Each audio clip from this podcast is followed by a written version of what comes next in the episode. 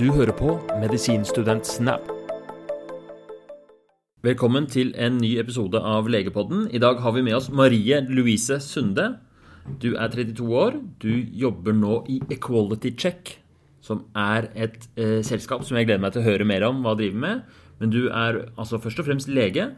Du har vært, eh, jobbet som kirurg på Ahus. Du hadde doktorgrad. Du har doktorgrad. Man kan ikke miste doktorgraden. Man kan ikke miste den, Nei, så vidt jeg vet. i kirurgi. Det skal vi også høre mer om. Men du sluttet som kirurg på Ahus for eh, to år siden. Ett år siden. Et år siden. Under veldig spennende omstendigheter. Ja. Dette blir spennende å snakke om. Men all, før vi kommer inn på alle de tingene der, så skal vi høre litt om hvordan du eh, er som person, eller som lege. Eh, Kan du fortelle litt eh, Kan vi starte med studietida? ja, Hvor studerte du? jeg studerte i Oslo. Mhm. Hva, hva, Høst 07-kullet. Høst 07-kullet. Ja, så det okay. er jo en liten stund siden nå. Ja, det er en stund siden. Hvordan var det? Det, jeg, jeg trivdes veldig godt i Oslo. Ehm, jeg, som student Jeg er jo, er jo kanskje ikke den beste studenten. måte. Jeg, jeg er veldig utålmodig. Jeg liker ikke å sitte i forelesninger. Så jeg var ikke så veldig mye på Jeg var ikke så mye på universitetet, egentlig. Jeg var ikke så mye i forelesninger. Jeg syntes det var morsommere å være på sykehuset. Så jeg hang mer på sykehuset. Jeg var ganske tidlig bestemt på at jeg ville bli kirurg. Så jeg hang mye på sykehus og mye på Ahus, egentlig. Og bare hang med kirurger på vakt og hang i mottak og var med på operasjoner. Og syntes det var veldig mye morsommere enn å være på universitetet. Så jeg, eh, jeg var ikke en student som satt, var mye på forelesning eller satt mye på lesesalen, egentlig.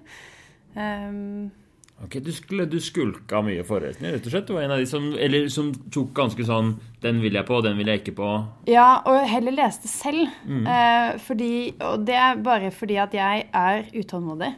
Så hvis jeg sitter i en forelesning og begynner å kjede meg, så tyner jeg ut med en gang. Og så klarer jeg ikke å, å følge med. Jeg kjenner Så- meg veldig enig i det. ja. Jeg syns det er vanskelig å følge med i en forelesning. Ja. Hvis det begynner å gå litt sakte, Så går litt sakte, eller litt detours, eller det er bare veldig monotont, eller ja. Så eh, jeg var mer på sykehusene enn eh, på på forelesninger. Så er jeg litt sånn anarkist av person. Så jeg blir litt sånn irritert av å skulle møte opp på noe. Ja. Eh, Du vil finne din egen vei. Du vil Ja. ikke gjøre den alltid alt Nei. som alle andre. Ja. Hvordan, når, hvor tidlig var det du skjønte at kirurgi var din retning? På andre året eh, var det vel Det var først da, vi begynte å ha kliniske smågrupper som hadde med kirurgi. Og det, vi hadde det første av det på fjerde semester. Ok, det er, ja, det er kjempetidlig, da. Ja. Og, alle, og hvor tidlig begynte du å Eller når var første gang du spurte sånn Hei, kan jeg være med på Eller hvordan det- gjorde du det? Kan du fortelle om liksom hvordan du troppet opp? På eh, sykehuset Ja, vi hadde jo vi hadde eh, smågruppeundervisning med, med en kirurg som eh, spurte alle som ville, om de ville være med. Ja. Eh, og da fikk vi være med på vakt. Ok, Hva slags kirurg var? Eh, vanlig generell kirurg. Mm. Eh, og, da, eh, og det var kjempegøy å få være med på vakt og se hvordan ting funker, og se hvordan avgjørelser tas. Og det som jeg ble tiltrukket av eh, tidlig med kirurgien, er jo det at det er, det er veldig actionorientert. Man tar avgjørelser raskt. Det er veldig hands on. Du løser hvis, hvis ikke du kan løse problemet, så er jo ofte ikke det en kirurgisk pasient. Eh, som jo som, ja, Så den delen av det likte jeg veldig godt, og ble tidlig syns det var kult. Passet med den utålmodige ja, personligheten, Ja, passet litt med det. Mm. Eh, Så da, og da, fra da så hang jeg egentlig mye på eh, vakt, og så etter hvert så blir man jo kjent med forskjellige leger, og eh, etter, vet også at det er noe du kan gjøre. Og kanskje særlig på de sykehusene, det, jeg vet ikke hvor lett det er på sånn type Ullevål hvor det er masse studenter og masse folk, men på de sykehusene hvor ikke det er det, så er det jo egentlig ganske lett å spørre om å være med på vakt. Hvis man vet at man kan. Holdt jeg på å si. Så det gjorde jeg etter hvert en del, og, og fikk være med på masse gøy. Ok, så Fortell om noen av disse opplevelsene på vakt, da. Eller kanskje den første Hvilket sykehus var det den første Det var på Ahus. Det var på Ahus, ja. Det, det kuleste er, eller som er jo, og det, sånn er det jo kanskje hele veien, at det kuleste er ikke nødvendigvis de tingene som er helt sjuke. Mm. fordi da er man jo eh, lenge bare en observatør. ja. Eh, men de tingene hvor man selv får gjøre, eh, gjøre ting. Ja, eh, og og det, da er det jo i starten så er det jo superkult bare å få ta en blodgass, liksom. Eh, og så etter hvert så få være med på operasjoner, få holde kamera, f.eks. Bli komfortabel med å holde kamera, lære seg eh, mindre ting av få lov å sette inn portene, f.eks. Eller som eh, alle mulige jo, jo tidligere på studiet, jo morsommere er jo selv små ting. Måtte. Ja, men da må du ha vært langt over gjennomsnittlig tidlig ute med de. Altså, jeg tror jeg første gang jeg holdt et kamera, var kanskje i turnusperioden eller rett før, liksom. Men var, når var første gang du holdt kamera på en operasjon? Ja, det var på fjerde semester. På fjerde! det er ekstremt tidlig ute. Men hva Sånn Det du sa med at sånne sjuke Altså de mest Jeg har inntrykk av at ofte kirurgene blir Ja. liksom Oi, nå er det den type operasjon, et eller annet fancy, og nå skal vi transplantere en øsofagus eller noe helt sprøtt, liksom. Ja. Eh, og da blir det sånn Dette må dere se. Men jeg er helt enig med. Det er ofte de tingene som ikke er vits å For da Ja. står du bare langs veggen og Og så er det masse andre som skal se, og så er det og alt fra andre overleger til andre assistentleger til Og hvis du da er medisinstudent, da er jo du siste som får lov å se på noen ting. Så da står man jo ofte bak fire nakker og ser Ja, så det, jeg syns det morsomt var de tingene som var eh, kult eller sjukt for meg, Ja. eh, men ikke for de andre. Fordi da fikk jeg lov å gjøre ting. Og ny, ny, ny, ny, noe som skal sys, liksom? Ja, kjempegøy. Mm. Ja, spennende. Hva, fant du ut noe da, hva slags kirurgi du likte best sånn mens du studerte, eller? Da eh, Jeg var mest på gastrokirurgen, og jeg fikk også fra femte semester så hadde vi eh, en veileder på klinisk eh, smågruppe som heter Tom Øresland. Som er kjempeflink. Han er professor i gastrokirurgi. En av de flinkeste i Europa på det som han driver mye med, som er IBD-kirurgi. IBD, Inflammatorisk tarme... nemlig. Sånn Crohns sykdom, for Ja. Crohns ulcerøs kolitt. Ja. Eh, alt som har med det å gjøre. Da Eh, må man ofte operere vekk en del av tarm- tarmen, ikke sant? som er Ja. veldig betent, for å Ja. På de fleste Crohns-pasienter blir operert. Av ulcerøs kolitt så er det ca. 20 okay. Men de må til gjengjeld fjerne hele, hele kolon og rektum, da. Ah, nemlig. Ja. Mens i Crohns så er det bare å fjerne den lille delen som har blitt trang eller Ja. stenotisk eller noe sånt. ja ofte. Så, og han, eh, Tom, eh, hadde mye studentundervisning. Han var min da smågruppeundervisning, det var vel egentlig PBL, tror jeg, på femte semester. Eh, men også veldig akademisk. En av de få i dag som er tung kliniker og tung akademiker. Eh, og, eh, så jeg spurte om han ville være min veileder på denne studentoppgaven man skal Ja. gjøre. Eh, og da begynte jeg å se på noe tall. Det var på noe helt annet. Det var på eh, stenting av kolonkancer, som var veldig hot eh, da. Eh, og så har jeg, var jeg mye fulgte av det og begynte å se på mer og mer ting. Så det var det som førte inn på doktorgraden, hvor jeg også fikk en annen overlege på gastro som heter eh, Arne Ferden. Eh, som også er superflink kirurg på, på all gastrokirurgi, men særlig, særlig også IBD. da. Eh, og, så jeg peilet meg ganske tidlig, i hvert fall på den akademiske delen, inn på gastrokirurgien. Men det som jeg syns har vært morsomst, uh, er jo den Jeg syns jo egentlig akuttkirurgien er morsomst. Ja, vaktkirurgi, alt som De veldig, veldig veldig lange, kompliserte tingene er syns ikke jeg har vært så gøy. Og det er nok sikkert fordi det, det er så avansert at der, der er det de som har jobbet veldig mange år, som får gjøre hoveddelen. Ja. Eh, mens mer på akuttkirurgien, så der, der blir man jo selvgående på en del av de vanlige tingene fort og får mer kontroll, på en måte. Eh, så det er sikkert sammenheng med det òg. Så var din raskeste appendektomi Eh, 15 minutter. 15 minutter Ja. fra, fra første... Første- inngangen. Ja, Kult. til siste Ja. Det var en, eh, en lite betent app, da. ja. Den var sånn Ja, det var nesten, nesten fin, liksom. Ja. Mm. Men eh, ikke noe ja, Det som forsinker de der når man skal fjerne blindtarmen, er ikke det når det er sånn der, Når det har klistra seg sammen og blitt skikkelig betent og, og kanskje sprukket litt, og du må Ja. skylle masse og Ja. Så der var det bare inn og Ja. den fram, og så klippe den av og ut. Ja. Stilig. Og det var da kikkhuls... ja. Jeg jeg har aldri eh, Jo, det har jeg vært med på, eller gjort en eh, åpen, men det er mer fordi det har vært eh, helt i andre situasjoner. Så i, i dag så tror jeg det gjøres veldig få apper åpent sånn i utgangspunktet. Ja. Ok, så du har tatt doktorgrad innenfor eh, gastrokirurgi, men det du liker aller best, er den der vaktkirurgien hvor det er eh, masse forskjellig og akutte tilstander som, Mm. eh, som skal løses. Hva, hva, hva handler doktorgraden din om? Den handler om uh, bekkenreservoarer, eller iliopouch analanastomoser, IPAA. IPAA, iliopouch analanastomoser. Ok, la meg prøve å finne ut av det. For Ja. noe. Anal anastomose, altså du skal sammenføye anal Med med en iliopouch, ja, som er ilium, det er en del av tarmen, tynntarmen. tynntarmen. Ikke sant? Så da har du fjerna hele kolon, rett og slett. Så det er de der ulcerøs kolitt-pasientene. Nettopp. Veldig bra. Skjønner! Fy Ja. Eh, og når du lager anastomose, så er det for- sikkert forskjellige måter å, å, å sy den eh, sammenføyningen på, da. Ja, Det som egentlig er hovedforskjellen, eh, og som er det disse IBD-kirurgene diskuterer, er utformingen på pouchen. Selve reservoaret. For det, det er sånn som du sier, at det, dette er for de som har fjernet hele, hele kolon og rektum. Oftest ulcerøs kolittpasienter eller FAP-pasienter. Eh, familiær odomatøs polypose, eh, som er de som har eh, en genetisk disposisjon som gjør at de må fjerne tykktarmen pga. Ja. kreftfare. Ja, FAP, det er da nemlig Det er ganske Er ikke det forholdsvis mange som har det? Det- Om det ikke er så mange av så hoved, Den store hovedbolken av de som opereres, er ulcerøs kolitt-pasienter. Men to pasientgrupper det er som egentlig er helt forskjellige. Ja. Ulcerøs kolitt det er en autoimmun betennelsestilstand. Ja. Mens eh, FAP det er sånn eh, De har en tykktarms eh, genetisk disposisjon for å få tykktarmskreft. Ja. Så de får masse sånne polypper, Polypper. forstadier til kolonkreft, som bare florerer i tarmen. Ja. Og hvis de ikke opererer vekk tarmen sin, så kommer de til å Så få kreft, kreft. liksom. Ja. Mm. Uh, og, så, og da er jo alternativet Og de blir operert gjerne uh, i 30-40-årene.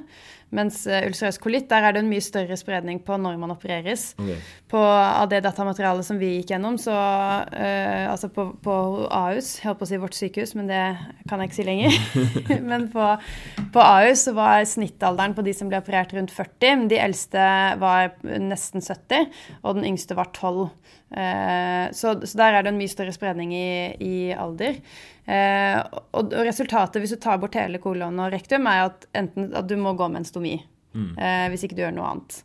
Eh, og det er jo litt kjipt fra, fra du er kjempeung og måtte gå med stomi resten av livet. Eh, og det er der 25 år og skal på Tinder-date, og så ja, har du stomi. Det er så fett kjipt. å gå med Mm. stomi hvis man kan unngå det. Eh, og, og det er der IPA kommer inn, da. Og, Mm. hvor, man lager, hvor tanken er at man lager en, eh, et reservoar av tynntarmen som skjøtes rett på analkanalen, sånn at man har en vanlig måte hvor avføringen går ut på vanlig måte, så du Mm. slipper stomi. Og det som mye av diskusjonen i dag går på Dette konseptet er egentlig ganske uendret siden det ble gjort første gang i 68 eller noe sånt. Eh, Så det er egentlig ikke en veldig gammel, gammel type operasjon når man ser på eh, mange andre operasjoner som man har gjort veldig mye lenger. Eh, men det er en operasjon hvor ikke det har skjedd så veldig mye teknisk siden den ble eh, havnet på det formatet den er i dag. Da. Og det som diskusjonen eh, har gått på da siden den tid, er hvordan du skal utforme denne pouchen. Hva skal du gjøre for å få best mulig funksjonalitet? Eh, fordi dette er en operasjon som fordi det funker for, så funker det kjempebra. Da har man syv eh, tømninger i døgnet, og du er helt eh, kontinent, og det funker fint. Men så er det en, en del som har et mye dårligere funksjonelt resultat, hvor man har opptil 20-25 temninger Ja. i døgnet, hvor man lekker, hvor man har masse urgency, hvor det ikke fungerer bra i det hele tatt. Okay, det høres ut som et kjipt liv. ja, og Da da vil ville kanskje bedre hatt stomi. ikke Ja. sant? Eh, Men så er spørsmålet litt hvorfor er det sånn, og hva er det som gjør at det funker bra, eller hva er det som gjør det som funker dårlig, og hva kan du gjøre rent eh, operativt teknisk for at det skal funke bedre. Og da har jo diskusjonen gått mye på hvordan skal du utforme denne pouchen. Skal du brette tynntarmen som en J, skal du brette den som en W, skal du, la, skal du forme den som en sylinder eller som en kule, eller hva skal du gjøre? Nemlig. Så det er, det er litt sånn derre håndverk, sløyd, eh, kunst og håndverk, liksom, med tynntarmen for å lage en, en pouch, altså en lomme, Ja. som, eh, som Og så er best. skjøte den på analkanalen. Og de som er veldig inne i det, de har veldig sterke meninger om det er J som er best, eller K som er best. Det de fleste gjør i dag, er J. Eh, og det er også fordi at eh, man, flere og flere gjør dette laparoskopisk også. Eh, og den, det som er J-reservoar, er mye lettere å gjøre laparoskopisk, for der kan du, der kan du skyte eh, selve reservoaret når du lager det med stapler. Mens med andre typer utforminger så må du sy det med, med hånden. Eh, så det tar lengre tid, og det er mer komplisert. Og da kan, det kan du ikke like lett gjøre laparoskopisk, da. Så de Ja. som er veldig laproskopifan, de er for eh, eh, jod. eh, Og det er det som er på en måte lettest å gjøre. For da kan du bruke stapler, sånn svær stiftemaskin som du bare slenger inn gjennom det lille hullet i kikkhullsoperasjonen, og så bare stifter du sammen hele greia. liksom. Ja. Eh, og så skjøter man det etterpå. Mens uh, mine veiledere har vært opptatt av I vårt materiale så er det en, de som har et K-reservoar, har en marginal bedre funksjon uh, enn de som har J-reservoar. Ja, så, så det er der diskusjonen går litt på det tekniske. Og så er jo spørsmålet også helt andre ting. Er det helt andre ting som påvirker funksjonaliteten? Så det var det som min doktorgrad gikk på å se på av de som har vært operert hos oss, med, eller på Ahus, med, med bekkenreservoar eh, siden 2000. Eh, hva, er det som, eh, har, har, hva er det som har noe å si for funksjonaliteten? Da? De som fungerer bra, de som fungerer dårlig. Dette merker jeg du kunne snakka lenge om. Ja. Så, så ok, så du, når skrev du den doktorgraden? Var det Jeg ble ferdig Jeg disputerte i 2018. Ja, nemlig. Mm. Og når var du, gikk du medisinstudiet normert eh, løp? Seks år? Eller tok du Ja. noen permisjon? Eller? Normert. Hvordan funker det hvis, når man er sånn som deg? Hvis vi skifter litt tema, da, selv om eh, Hvis folk vil vite mer om eh, ilio pouch anal anastomose, så får de heller ta kontakt. Ja, det kan du gjøre. Men eh, når, når man er en sånn utålmodig sjel, ikke er så glad i mm, forelesninger, leser ting på egen hånd det, Var det vanskelig med eksamener og sånn, syns du? Eh, nei, jeg uh, Man vet jo Det er jo eksamensoppgaver som er ute og går, og uh, Jeg har på en måte vært ikke så, i hvert fall hvis du sammenligner med snittet på medisin, for jeg tror at det er en litt høyere andel nevrotiske mennesker enn andre steder, så har nok jeg vært mindre Jeg var ikke så stresset for eksamen eller stresset for, for den delen. Så det syns jeg egentlig gikk veldig greit. Mm. Det er interessant, da. At, for det tror jeg du er inne på nå, at kanskje i, i hvilken grad du er flink til å holde stress under kontroll, er kanskje vel så viktig som i hvilken grad du er flink til å ta til deg kunnskap eller til å, til å lese. Ja, og litt overordnet på eh, det som jeg tror at jeg var flink på, var å være litt pragmatisk på hva, hva er det som egentlig, hva er det man burde kunne. Så jeg, eh, på, da jeg leste, så laget jeg alltid mine egne kompendier, hvor jeg, jeg bare definerte at innenfor dette temaet så mener jeg at det her er det som jeg burde kunne. Eh, og så var det det jeg leste på. Eh, og jeg syns, dette er bare mine meninger, men jeg syns på medisinstudiet at det var mange som ble veldig detaljfokusert. Og som kanskje av og til gikk seg litt vill i det, det som er gøy, og det som også er utfordringen med medisin, er at hvis du begynner å gå på detaljnivå, så er det ikke grenser for hva du kan lære deg. Uh, og det tror jeg kanskje var overgangen fra noen fra videregående, hvor du er litt sånn at der lærer du deg alt som er pensum. Ja. Mens på, det kan du bare drite i på medisin. Du kan aldri lære deg alt som er pensum. Eh, så da må man definere selv litt. på en måte, hvor er det du, Hvilke overordnede ting er det du skal kunne? Hvor skal du sette grensene? Hva skal du lære deg detaljert, og hva skal du ikke lære deg detaljert? Var det noen gang sånn at um, noen av foreleserne eller lærerne eller medstudentene som var litt sånn eh, Siden du var såpass tydelig på at du satsa på kirurgi, fikk du noe motstand mot det, liksom? Vi hadde et veldig hyggelig kull, så jeg, ikke fra noen av eh, studentene Nei, det føler jeg egentlig Og ikke fra forelesere heller, egentlig. Eh, mer at eh, det var kult å bestemme seg for hva man ville. Så det har jeg egentlig ikke fått. Jeg fikk litt eh, sånn eh, vennskapelig diss i turnus da jeg var på Jeg hadde turnus i Drammen. Var ekstremt fornøyd med det. Uh, og der er turnusen todelt, det var i hvert fall, eh, da jeg var der. Så da var jeg først et halvt år på kirurgen. Som jeg elsket. Kjempe. Og der fikk man også muligheten til å bli veldig involvert hvis man ville det. Og så var jeg et halvt år på medisin etterpå. Da, det var jo, alle visste jo at jeg skulle bli kirurg og ikke syntes medisin kanskje var det feteste. Eh, så det fikk jeg litt eh, vennskapelig diss av eh, på assistentlegen i mottak der. Men det var jo bare en hyggelig, Ja. hyggelig karakter. Ja, for da Ja, det var ikke noe fiendtlig, liksom? Nei, var- absolutt ikke. Ja, ja, få se kirurgen ta medisinsk innkomst. Ja. Nå har vi en pasient med hypernatremi. Perfekt for deg.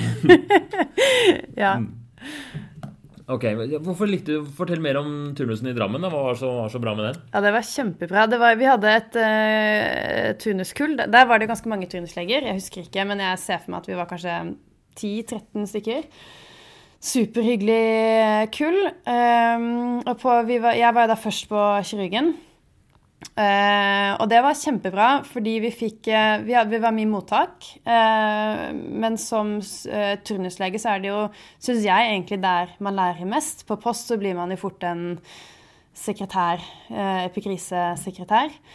Eh, så vi var mye i mottaket. Eh, og det er et ganske stort mottak, så man får mye eh, massetrening i mange ting. Samtidig som at det er bare, i hvert fall da jeg gikk der, så var det bare én Det var én vakthavende Eh, på kirurgen og en på ortopeden som vi svarte til.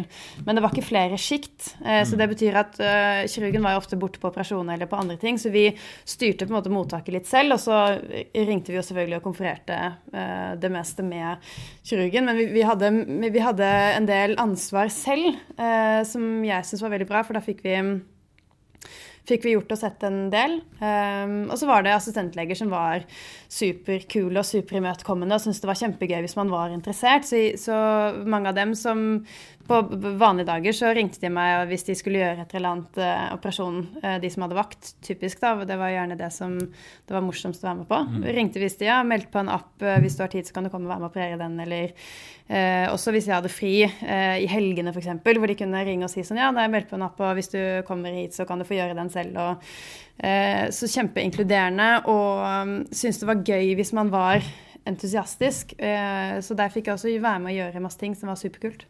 Så kult. er det noen av operasjonene du husker, eller? Ja, igjen så var det jo de, de, kuleste tingene for meg var jo da typisk eh, appendicitter, f.eks. Mm. Eh, å kunne få gjøre mer og mer på det, eller være med å legge inn thorax-3-en, eller sånne ting som Så ikke de store inngrepene, men der man får gjort ting selv. Ja. Eller traumer, eh, som også var gøy å få være med på.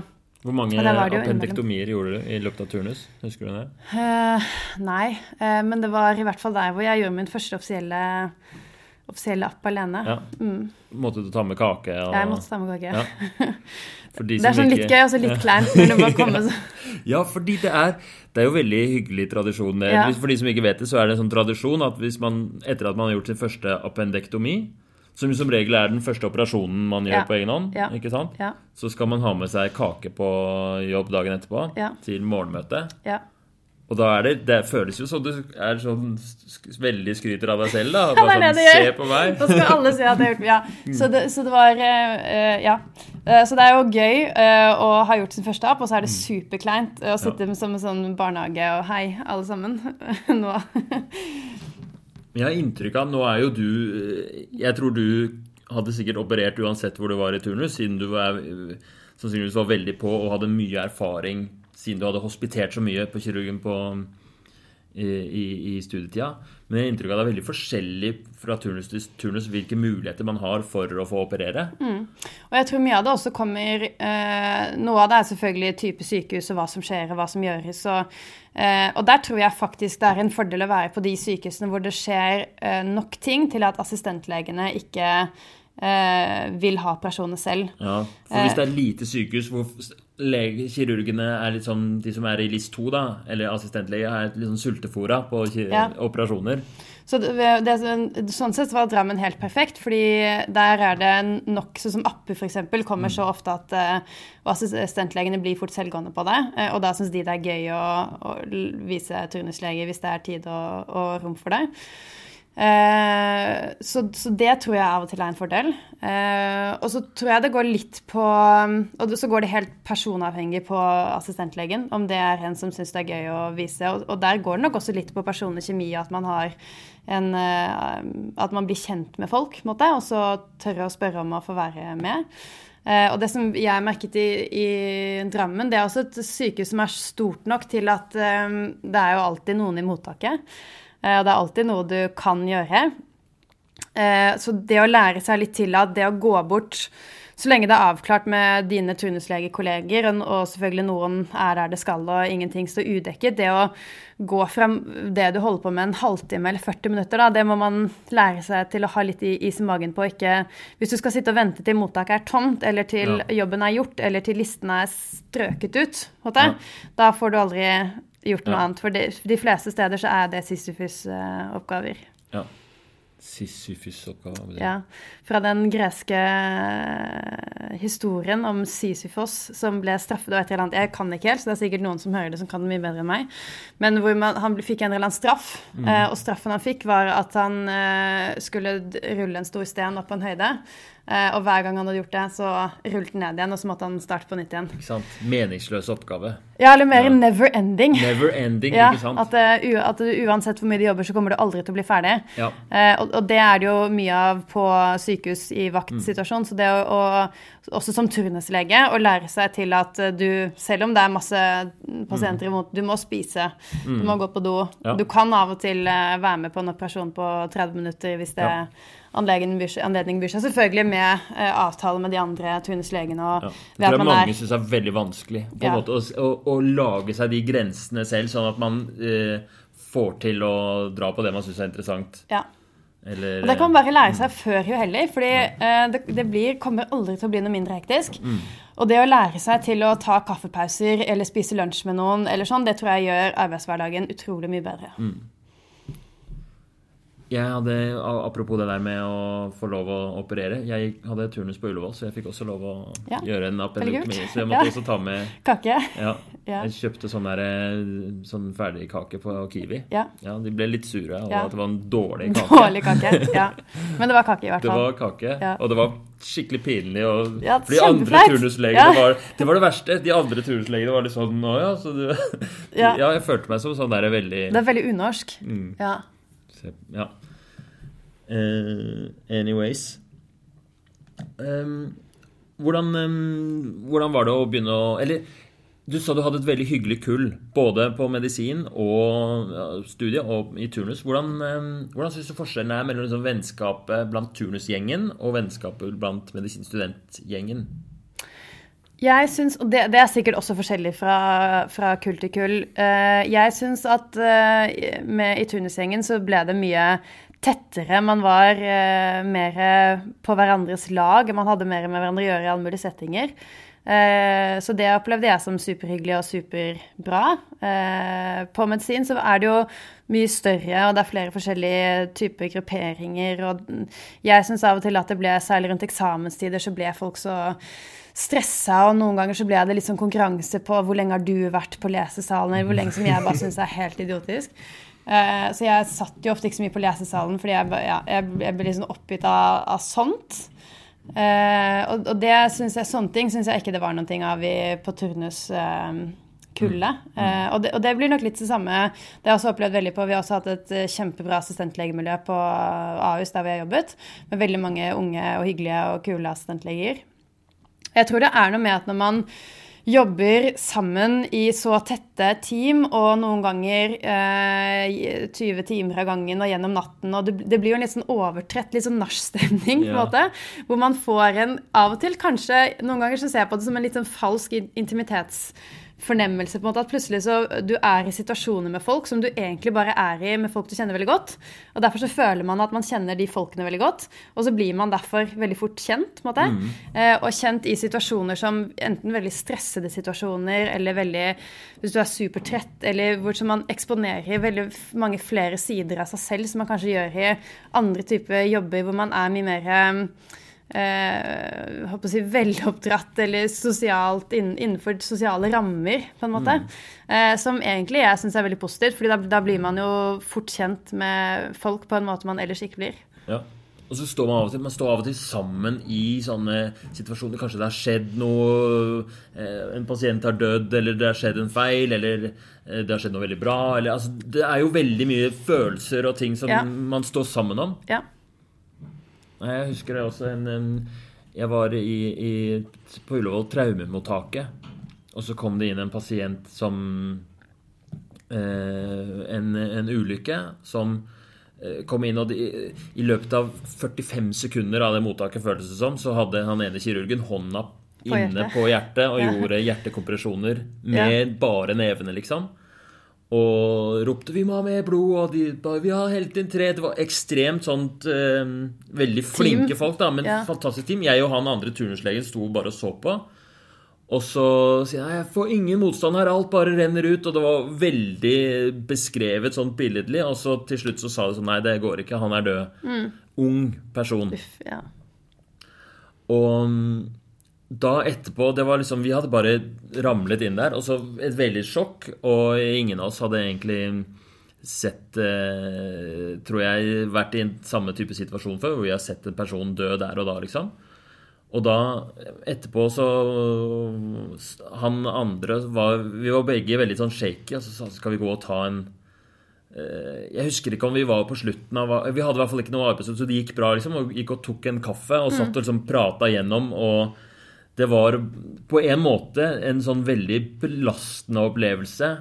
Eller vi reagerte veldig forskjellig og sånn, men det å liksom være kollegaer og så være, ha opplevd det samme sammen, det var sånn Ja, debrife. Ja. Eh, og det er superviktig, og det gjør man jo i medisin. Mange steder så kunne man sikkert eh, blitt flinkere til å ha mer offisiell debrifing, men jeg tror også den uoffisielle debrifingen mellom kollegaer og mellom venner og mellom kjempe, er kjempeviktig, og kanskje litt undervurdert. Eh, og, så vi pleide også på AU, så pleide vi ofte mm, og hadde sånne uoffisielle møter i kantinen før poliklinikk eller før sånn, hvor man bare satt og drakk kaffe og slarvet om alt fra enten debrifing av situasjoner, eller bare satt og slarvet, typ. Eh, og det tror jeg, og det var jo ofte høydepunktet på dagen. Eh, og det tror jeg er kjempeviktig.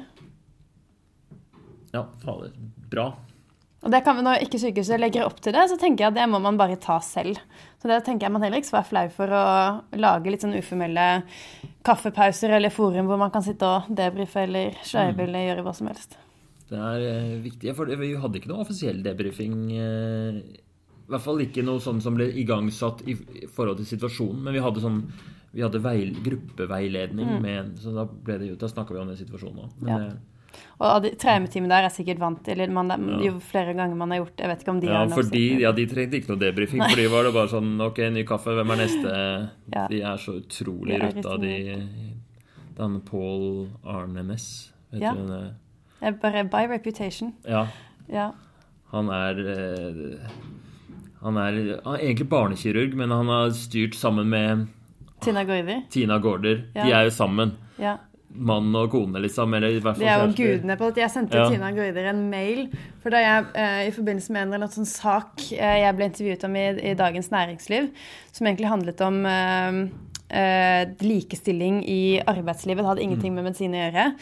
Og så hadde jeg sagt i en eller annen bisetning når de spurte ja, men hva er egentlig ubevisst diskriminering, det er jo noe av det som vi snakker masse om. Eh, og så hadde jeg satt, sagt i en bisetning eh, og kommet med eksempler på hvordan man som kvinnelig assistentlege på kirurgen oftere opplever å bli overhørt, f.eks., eller at du kan gi eh, en beskjed i situasjoner som teamleder eller som andre ting, og som oftere blir overprøvet eller undervurdert hvis du er kvinne sammenlignet med, med hva jeg opplever at noen av mennene Hva som skjer når menn sier det. Eh, og så ble, ble det eh, satt opp på sånn et forferdelig førsteside hvor det var bilde av meg på hele førstesiden. Eh, og så var tittelen eh, Marie Louise Sunde, traumekirurg. Eh, opplever, eh, at, opplever ofte at folk ikke følger mine ordre. Og det var helt grusomt. Og jeg, jeg så den første siden så tenkte jeg var sånn, oh my god, jeg fikk så panikk. Som en sånn, og det, dette er vel da altså to år siden, så da hadde jeg sikkert jobbet liksom to år som eh, assistentlege på kirurgen Ja. på Ahus. Uh, og så står det sånn tre, Marie Lyse Sunde traumekirurg. Jeg, altså, det var helt, jeg, ble, jeg fikk jo så jævlig mye diss for det på jobb, og det er på en måte én ting. Men det som jeg hadde total panikk for, var at uh, traumemiljøet på Ullevål skulle sitte og lese denne og bare Oh my god. Hun er jeg- vel ikke traumekirurg, ja, liksom? Det, det var hvem, det du tenkte? Ja, hvem tror hun at hun Ja. er? Og så skjønte jeg etter hvert på de på Ahus at folk tror at du har fått sitatsjekk på, først, på, liksom på førstesiden. Men det er jo ting som desken gjør helt uten å snakke Mm. Ja. med deg. Eh, Så da sendte jeg Tina Goider en e-mail bare for å si det. bare sånn, vet du hva, jeg, Dette har jeg ikke eh, sagt, og jeg, jeg har bedt dem om å dementere det. Bare, ja. dette, ja, ja, jeg er bare assistentlege, og det ja. Så sendte Eh, du til ja, Tina, du jeg tenkte til Tina. Tina Jeg, var, jeg hadde så panikk for at de Ja. skulle sitte og tenke Oh my god, hvem tror hun at hun er? Det sier Så- noe om hva slags eh, image Tina Gaarder har, da. Når, ja, men Det var superhyggelig. Hun svarte tilbake en Bariana, selvfølgelig, og det tenkte jeg ikke på i det hele tatt. Og jeg vet hvordan media funker, og dette skal du ikke tenke på. Så det var veldig betryggende å få det, men eh, den beskjeden eh, av henne De er eh, Jeg også ser på de som sånne guder. Ja, de, men de er jo litt guder òg. De er jo ekstremt dyktige. og mm toppen i verden på sitt felt, og det er jo ingen grense for hva de får til. Så de er, man, det er jo en mm. grunn til at man har en ja. viss ærefrykt for dem. Så det er, altså, det er, to kirurger, bare for de som ikke kjenner til det, er to kirurger som jobber da på um, traumemottaket på Ullevål. Og som har bygd opp det egentlig traumemottaket. Det, det, er jo andre involvert, selvfølgelig, men de har liksom alltid leda det. da. Mm. Og i dag så er vel traumemottaket på Ullevål et av de aller, aller beste De har de aller, så fantastiske resultater. Mm. Og som blant annet som ble demonstrert Eller altså som man så under 22. juli, så så man hvor ekstremt bra det fungerte. Ja. Ja. Og det er mye takket være de to som er så det, dere må google de, eller noe. De er så spesielle i framtoninga litt òg. De er så tøffe, liksom. Veldig tøffe, ja. ja. Veldig mye faglig autoritet, og ja. med god grunn. Ja, jeg tror mm. når du sa det der om at man ikke blir hørt og man blir overhørt og sånt nå, det tror jeg ikke gjelder de det, det tror jeg ikke heller. og det gjelder jo ofte ikke de som er mm. veldig De som er seniorer. Mm. Eh, for etter hvert som man blir senior, så opparbeider man seg jo en autoritet i form av det. Mm. Så det gjelder jo oftere på de som er yngre. Ja, for da er det eh, da kommer det et kjønnsskille, og det er jo det vi må snakke om nå. da, fordi nå um, Du er jo blitt berømt, eller i hvert fall eh, vært en del i media pga. Uh, noe som skjedde under, eller for noen år siden, da du jobbet på Ahus. Kan ikke mm. du bare fortelle oss, som om vi ikke kjenner til saken i det hele tatt, hva det handlet om? Du hører på Medisinstudent Snap. Ja, jeg eh, har vært interessert i likestilling lenge. Eh, jeg har fått det bokstavelig talt inn med morsmelken. Så jeg har jobbet egentlig med forskjellige typer likestillingsinitiativ en stund på siden. Og pga. det så ble jeg invitert til FN i 2014 i New York, hvor de lanserte sin til da største likestillingssatsing. Og der holdt Emma Watson eh, en tale som er blitt veldig berømt, eh, og som mange krediterer som starten på den fjerde feministbølgen, og i hvert fall var med på å pushe oppmerksomheten på det. Du var i rommet? ja, så jeg satt på tredje grad eh, og eh, hørte på dette. Eh, og ble Hvordan veldig var det? Det, det, var veldig, det, var veldig, inspirerende. og man, man, fikk jo en litt sånn følelse av at dette er history in the making. Eh, og jeg hadde allerede Da så hadde jeg tenkt mye på at noe som frustrerte meg, var det som jeg da kalte den ubevisste diskrimineringen. Eh, som er alle de små tingene, alle de små episodene hvor man som, eh, behandler menn og kvinner forskjellig uten at man vet det. Eh, og hver enkeltepisode er ofte så liten at den kan du ikke adressere, fordi den er egentlig bare banal. Eh, men den akkumulerte affekten av det blir ganske stor. Eh, så det var en ting som jeg hadde eh, da tenkt på en stund. Og kan også, et eksempel på en sånn type Ja, typisk eh, at man som kvinnekirurg ofte tas for å være sykepleier, f.eks. Mm. Og at du ofte må hele tiden starte, eller ofte må starte en dialog med pasienter på å forklare at du egentlig er kirurgen, og det er mm. egentlig du som skal Som har det faglige ansvaret, f.eks. Eller mm. at det kan, det finnes en del eh, andre historier på det, kan, eller studier på det, som jeg kan eh, forklare etterpå også. Men det andre jeg hadde tenkt på, var at man må Da, i 2014, så eh, tenkte jeg at man måtte kanskje fornye litt hvordan man snakker om feminisme, hvordan man angriper likestilling. Eh, det har vært gjort siden eh, århundrer, holdt jeg på å si, på en, en måte som etter hvert har blitt veldig tydelig, eh, hvor man har stått veldig på barrikadene. Og det har vært helt nødvendig for å komme dit vi er. Så det er ikke for å kritisere den innsatsen som har vært gjort til nå. Men fra og med nå eh, så tenkte jeg at det kanskje vil være mer, for å nå det siste stykket, vil være mer suksessfullt med en litt rundere eh, tilnærming. Litt mindre polarisert, litt mindre krig og litt mer forsoning. Mm. Og en tilnærming som inkluderte menn på samme måte som kvinner. Eh, og Det var bakgrunnen til eh, at vi startet det som vi kalte Hun spanderer, som var en kampanje for å øke bevissthet rundt uh, ubevisst diskriminering. som ikke det var så veldig mange som snakket om på det tidspunktet. Og det startet vi i 2015, eh, og det gjorde jeg ved siden av, eh, ved siden av å jobbe som assistentlege og doktorgraden. Hva er en sånn kampanje? Ja, det, Vi hadde i hovedsak sosial, kampanje på sosiale medier. Mm. Eh, så da var det alt mulig content, og eh, der er det jo om å gjøre for mest mulig spredning. Ja, Få Eh. folk til å dele en eller annen historie på Twitter med hashtag 'hun Ja, eller liksom? laste ned mm. bildeapp, eller Mm. eh, ja, For å få ut det budskapet da, om hva Mm. er, å øke bevisstheten rundt hva er ubevisst diskriminering, og hvilken effekt har det egentlig på samfunnet i dag. Mm. Og den kampanjen gikk ganske bra. Vi, vi nådde nesten en million på sosiale medier.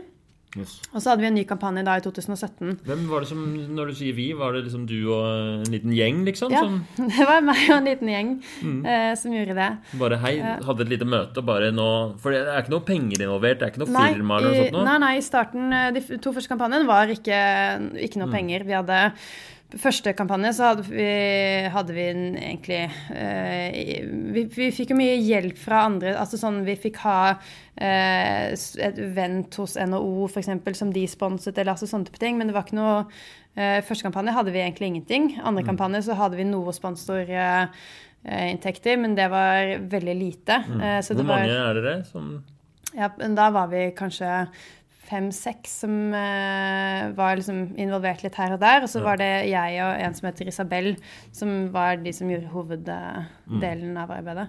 Men så av det her så ble det jo mer Vi fikk jo vi mer og mer oppmerksomhet på ubevisst diskriminering og hva det er og sånn. Uh, og det uh, fikk vi også uh, presse på i media, ble mer og mer kjent for det. Og det, så på, Jeg jobbet jo da på Ahus og var på gastrokirurgen der, som er en Kirurgi generelt er jo en mannsdominert bransje. I dag i Norge er det så vidt jeg vet 16 kvinnelige eh, ferdigspesialister. ferdige spesialister. En ekstrem kontrast til de 75% eller hva det nå er, kvinnelige medisinstudentene. Ja. Eh, så, eh, og den avdelingen jeg var på, er en avdeling som også har eh, issues med det. Eh, så der eh, er det vel 20, eh, 20 overleger, eller noe sånt. Uh, Foreløpig ingen kvinnelige overleger. Ingen kvinner som har fullført spesialiteten der. Eh, og, og da var det ganske mye alt fra eh, sånn eh, spøke, spøking med sånn ufin seksuelle eh, trakasseringsspøker, eh, til også mye mer eh, ubevisst Kanskje noen ganger litt mer bevisst. Eh, diskrimineringen av typene som at kvinner ikke blir satt på sånne, sånne operasjoner, eller at de ikke blir ferdig med spesialiteten, eller ikke velges ut til, til eh, å gjøre de forskjellige typer tingene.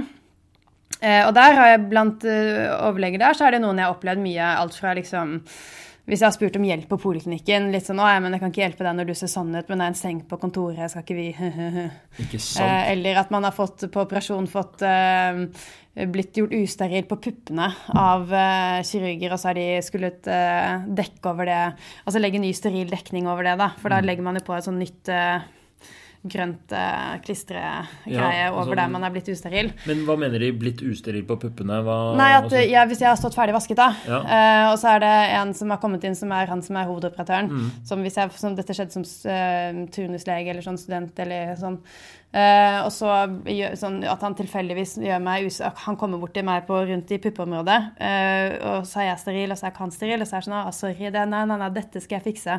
Og så legger han på sånn nytt uh, steril dekke. med- Han legger den på? Ja, for jeg, jeg sto jo sterilt, på måte, så jeg kunne ikke gjøre noe med det. Men han gjorde han han det liksom- med vilje? Bare ja, eller sånn, det, men så er det, det er ikke det at den episoden er så drøy, men når det blir mye av det, så blir det jo liksom tydelig Det setter jo en tone som gjør at kanskje etter hvert eh, mange Ja. Eh, I hvert fall når det er folk som bestemmer over deg, eller som, da blir det jo ikke alltid så Ja. ja. Og du er helt ny, eller Ja. Så det var en del sånne type episoder. Og så var det også Jeg fikk jo da være med på en del eh, som Det var særlig som medisinstudent være med på konferanser internasjonalt pga. det forskningsarbeidet som jeg gjorde. Eh, og der opplevde jeg jo også en del episoder fra uh, overleger også på andre sykehus som, var, uh, som jeg syntes var kjipe og vanskelig å forholde seg til. Fra liksom, overleger som kunne sitte og Som jeg ikke kjente, men som var prominente overleger. Som Som I kunne Norge? sitte Nei, eh, ikke i Norge. Eh, fra andres europeisk sykehus. Som kunne sitte og med sånn Han ene som satt og ga meg liksom håndma... Nei, vet du, eh, massasje på låret under middagen og fortalte at han hadde booket eh, eh, billetter til oss dagen etter, og at vi skulle ut og spise middag og på hotellrommet hans etterpå. Du vet, eh, vi er to voksne mennesker, alt er lov, alder er ingen hindring. De må huske på det at jeg kan åpne alle dører for dem, men jeg kan også lukke dem. Ok, ja, ikke sant. Ja. Det er jo helt eh, Hva heter han derre Weinstein? Ja, Ja. Eh, og som da de eh, som var fra vårt sykehus, bare syntes var kjempegøy og satt og lo om og var litt sånn Ja, ja, du trenger jo ikke gjøre noen ting, for du kan jo bare ligge der til toppen. type kar- kommentarer som når du er medisinstudent, så er det sånn Kanskje er det tull, kanskje er det ikke tull, og så blir man litt redd for er, hva, hva er det Tror de det, liksom? Eller hvor, hvor- hva, Ja, så du er medisinstudent og er liksom med på en sånn konferanse, og under en middag så, så kommer det ubehagelige henvendelser fra, han, eh, fra en prominent overlege fra et svært sykehus som har masse makt. Ja, og som ikke du vet hvordan, og det er nok noe av det som ligger i det, at man vet kan, hva, hva ligger i det, på en måte, og hva Ja. er det som kommer til å gå av ting. Som, ja. Og mye sånn kødding mot Mm. damer generelt. altså det Fordi at eh, jeg etter hvert ble mer og mer eh, kjent som en person som er opptatt av likestilling, og også begynte å ta opp disse tingene internt, så ble det et, et større og større fokus på det. Så delvis så ble det mye latterliggjøring av liksom, konseptet likestilling. Eh, Men så opplevde jeg også, og så sa, begynte jeg å si fra internt om en del av hva som skjer eh, på avdelingen. på en måte. Hvordan er det kvinner, og kanskje særlig unge kvinner, eh, opp, eh, hva er det de opplever, og hvordan er det man oppfører seg mot dem. Eh, og begynte å si fram både eksempler fra meg selv på hva, okay, hva det jeg har opplevd, eller hva er det postlegen opplevd, eller hva er det eh, Og det som jeg da fikk eh, til svar fra da, fra den som var vår eh, første, Den første jeg måtte rapportere til, var litt sånn Ja, jeg har alltid hatt en god tone med damer, eller ja, men det, det, det, dette kom, det må ikke gå utover overlegenes ytringsfrihet, eller eller sånn. Eh, så jeg begynte på å si frem det, og da, og da fikk jeg mer og mer av de som har eh, mulighet til De som bestemmer over deg. Så fikk jeg mer og mer tilbakemeldinger enten av den typen, eller sånn Vi har snakket med overlege på andre sykehus, og du kommer aldri til å få jobb et annet sted. Eller vi har vært snille med Fikk du det Ja. En sånn trussel, rett og slett? Eller Ja, det var det, var, det var det som ble sagt av folk som kan gjøre det. Så er det sånn om det har vært kødd, eller om det har vært sant. Altså, I don't know, men det er i hvert fall veldig dumt å si det i den situasjonen. Eh, eller sånn Vi har vært snille med deg til nå. Eh, så et, etter hvert så, så, så var jeg veldig tydelig på at enten, som, enten så må dere Enten så må man slutte, enten så må man gjøre noe med kulturen. Både å ta opp alt fra For det, det, var jo også, det er jo sånn avdeling hvor det er mye Det er ikke bare ufin behandling av assistentleger. Det er mange overleger som opplever tilsvarende ting. Der de scorer veldig dårlig på forbedring på undersøkelsen på alle nivåer. Eh, Det er mange Vi gjorde en litt sånn uf, uoffisiell eh, undersøkelse blant assistentlegen, og da var det 50% av damene som sa at de har opplevd seksuell trakassering av overleger. Så det er jo veldig mange ting som ikke stemmer der. eh, Men det blir jo ikke gjort noe med. Hva Eh, er situasjonen når du begynner å, å, å jobbe med dette her? Da? Du går fra å eh, registrere det og liksom, og ta det opp, men så på et tidspunkt så, så gjør du som du sier, en undersøkelse. og Hva er, det som, hva er konteksten der, egentlig? Eller hvordan skjedde det? Ja, den undersøkelsen det skjedde med at vi etter hvert som jeg begynte å ta opp den situasjonen eh, mer og mer på sykehuset, så hadde vi et, et, et eh, allmøte for assistentlegene eh, hvor vi tok opp mye av disse tingene til eh, de som var de nærmeste lederne. Eh, hvor det da eh, ikke kom noe mer konstruktivt ut enn at de sa sånn Dette handler om overlegenes ytringsfrihet. Eh, og, så, og da eh, gjennomførte jeg en sånn uformell undersøkelse blant assistentlegene, men med veldig høy svarprosent. Eh, hvor det kom frem at eh, 80% av assistentlegene hadde opplevd trakassering på avdelingen. 50 hadde opplevd eh, seksuell trakassering. Folk tør ikke si fra om ting fordi man er redd for sanksjoner. Mange hadde opplevd sanksjoner for ting de sa fra om. Så, eh, og alle disse tingene viste jeg også til ledelsen, men det var ikke så mye interesse av å gjøre noe med de tingene. Og etter hvert så fikk jeg fra, fra noen av de eh, overlegene, og det er absolutt ikke alle, for det er mange som ikke er sånn i det hele tatt. Og som, jeg fikk jo særlig også mye støtte fra, fra noen av overlegene, og særlig mine veiledere. Eh, Feiden og Øsland. Eh, men så på, et eller annet tidspunkt så var jeg litt sånn at enten så Hvis ikke det her eh, gjøres noe med nå, så kommer jeg til å slutte. fordi det, her, Jeg søkte først en permisjon, fordi da merket jeg at nå må jeg ha en pause. For det begynte å bli litt kjipt. Eh, og så fikk jeg ikke permisjon, og så sa jeg at da kommer jeg til å slutte. Fordi sånn som det er nå, det går ikke. Eh, og, i, og det ble jo en mediesak. Eh, og, og den oppsigelsestiden, den ble ordentlig kjip. Eh, så, så da var jeg ferdig i oktober i fjor, da. I oktober i fjor var du ferdig. Da var det en oppsigelsestid på Tre måneder. tre måneder, som var skikkelig kjip. Ja, den var kjip.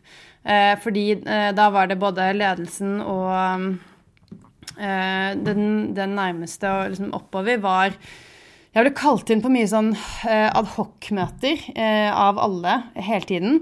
Eh, som skulle følge med på hva jeg gjorde. Jeg så at jeg hadde bilen.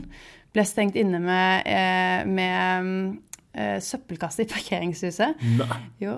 Uh, og så ble jeg kalt inn på veldig mye sånne haste adhoc-møter hele tiden. Men som jeg opplevde bilen som... din, altså Noen hadde plassert søppelkasse rundt bilen, så du Ja. ikke fikk kjørt ut, liksom? Ja, så jeg måtte flytte den fysisk eh, på, for ut. Eh, og så, så ble jeg kalt inn på veldig mange møter hele tiden som jeg, eh, var veldig ubehagelige. Jeg måtte svare for eh, alt mulig rart. Og, og noen av det var litt sånn at jeg ble kalt inn av divisjonsdirektøren. Hvor hun hadde også, bare for å si sånne ting som at eh, det er jo kanskje greit for deg eh, Og det er jo flere overleger som har sagt til meg at du er ganske dårlig Du er, du er ikke så flink. Og det er jo kanskje derfor derfor du lager så mye støy nå. Og det, kanskje, det er jo kanskje fint å vite. Eh, så fikk jeg høre av avdelingssjefen også at eh, vi eh, bare, Nå er det mange overleger som har sagt til meg at ikke de vil eh, veilede kvinnelige assistentleger lenger pga. Uh, det du sier og gjør. fordi nå opplever de at ikke de kan gjøre noen ting uten at det er seksuell trakassering. Eh, så det er kanskje også fint å vite før du sier fra om andre ting. Eh, og det var også, så, så så jeg opplevde en del sånne ting som, som etter hvert var ganske ubehagelige. Eh, jeg ble også trukket inn på noen møter hvor det også ble sådd litt sånn, opplevde jeg, eh, hvor du trukket frem eh, disse episodene som jeg hadde opplevd for mange år siden på, på konferansene med f.eks. han overlegen som hadde eh, invitert på denne middagen og eh, sånn. Og det ble satt i sammenheng med andre ting hvor det var litt sånn for meg så ble undertonen i det litt sånn Ja, du er jo duger jo kanskje bare til å smigre deg inn på mannlige overleger, typ. Eh, Ja, De snudde det liksom og kom med sånn motangrep mot deg personlig. ja, det ble i hvert fall det ble en veldig overveldende respons som, som ble eh, slitsom å håndtere. Mm. så det, det De tre månedene var etter hvert vans, vanskelige. Det skjønner jeg. altså Du sitter En ting er uh, Dette er jo ikke bare en vanlig jobb for deg. Du har drømt om å bli kirurg altså, hele livet mens du har studert. Fra fjerde semester røkte opp hånda og spurt å få være med på operasjoner. Og mm, er i ferd med å spesialisere deg i kirurgi og jobber med doktorgrad og liksom peiler deg inn på noe som du virkelig brenner for, og så kommer dette eh, som du står opp for eh, liksom, For du syns kulturen og miljøet trenger å endres og vil at det skal bli bedre, og så bare slenges døra litt sånn i trynet på deg. Ja, eh, og også på den, og det, som, og, og, jeg, og det visste jeg jo på en måte at da jeg begynte å snakke om disse tingene veldig konkret på avdelingen, da skjønte jeg jo at dette her er jo uh, det, Dette kommer jo ikke til å gå så bra for min del. Eh, og den, den, mer den direkte bakenforliggende årsaken til det var etter hvert også at det var rett etter at um, det hadde kommet frem dette metoo-oppropet blant legene uten taushetsplikt, som vel kom i, på høsten. Eh, Høsten 20... ja, var ikke det 2017? Eh, eller noe sånt. Ja. Eh, hvor det Det var et år før, eh, så det kanskje det var 2018. Ja, anyway. Eh, men eh, hvor eh, det var 4000 norske leger som hadde signert, og hvor det kom frem ganske mange grove historier om hva er det som skjer av seksuell trakassering på, på sykehusene. Eh, samtidig så kom litt etter det så kom Legeforeningen med en undersøkelse som viste at i Norge, på sykehus i Norge, så er det 25% av alle sykehuslegene, de kvinnelige sykehuslegene som opplever seksuell trakassering. Og så var det jo mange historier av det om oss, og, vi fant jo da ut at blant assistentlegene hos oss så var det 50% som hadde opplevd det. Eh, og det går jo litt eh, For meg så går det litt hånd i hånd med eh, at det er en generell trakasseringskultur på sykehus. Det er en fryktbasert ledelse mange steder. Og seksuell trakassering er jo på en måte bare et ekstra verktøy i den kassen, som oftere går utover kvinner enn menn. Og kanskje enda mer på de mannsdominerte, i de mannsdominerte spesialitetene. Eh, Men, og den, eh, det uten taushetsplikt-oppropet og denne undersøkelsen fikk jo ingen oppmerksomhet og ingen konsekvenser eh, i helsevesenet.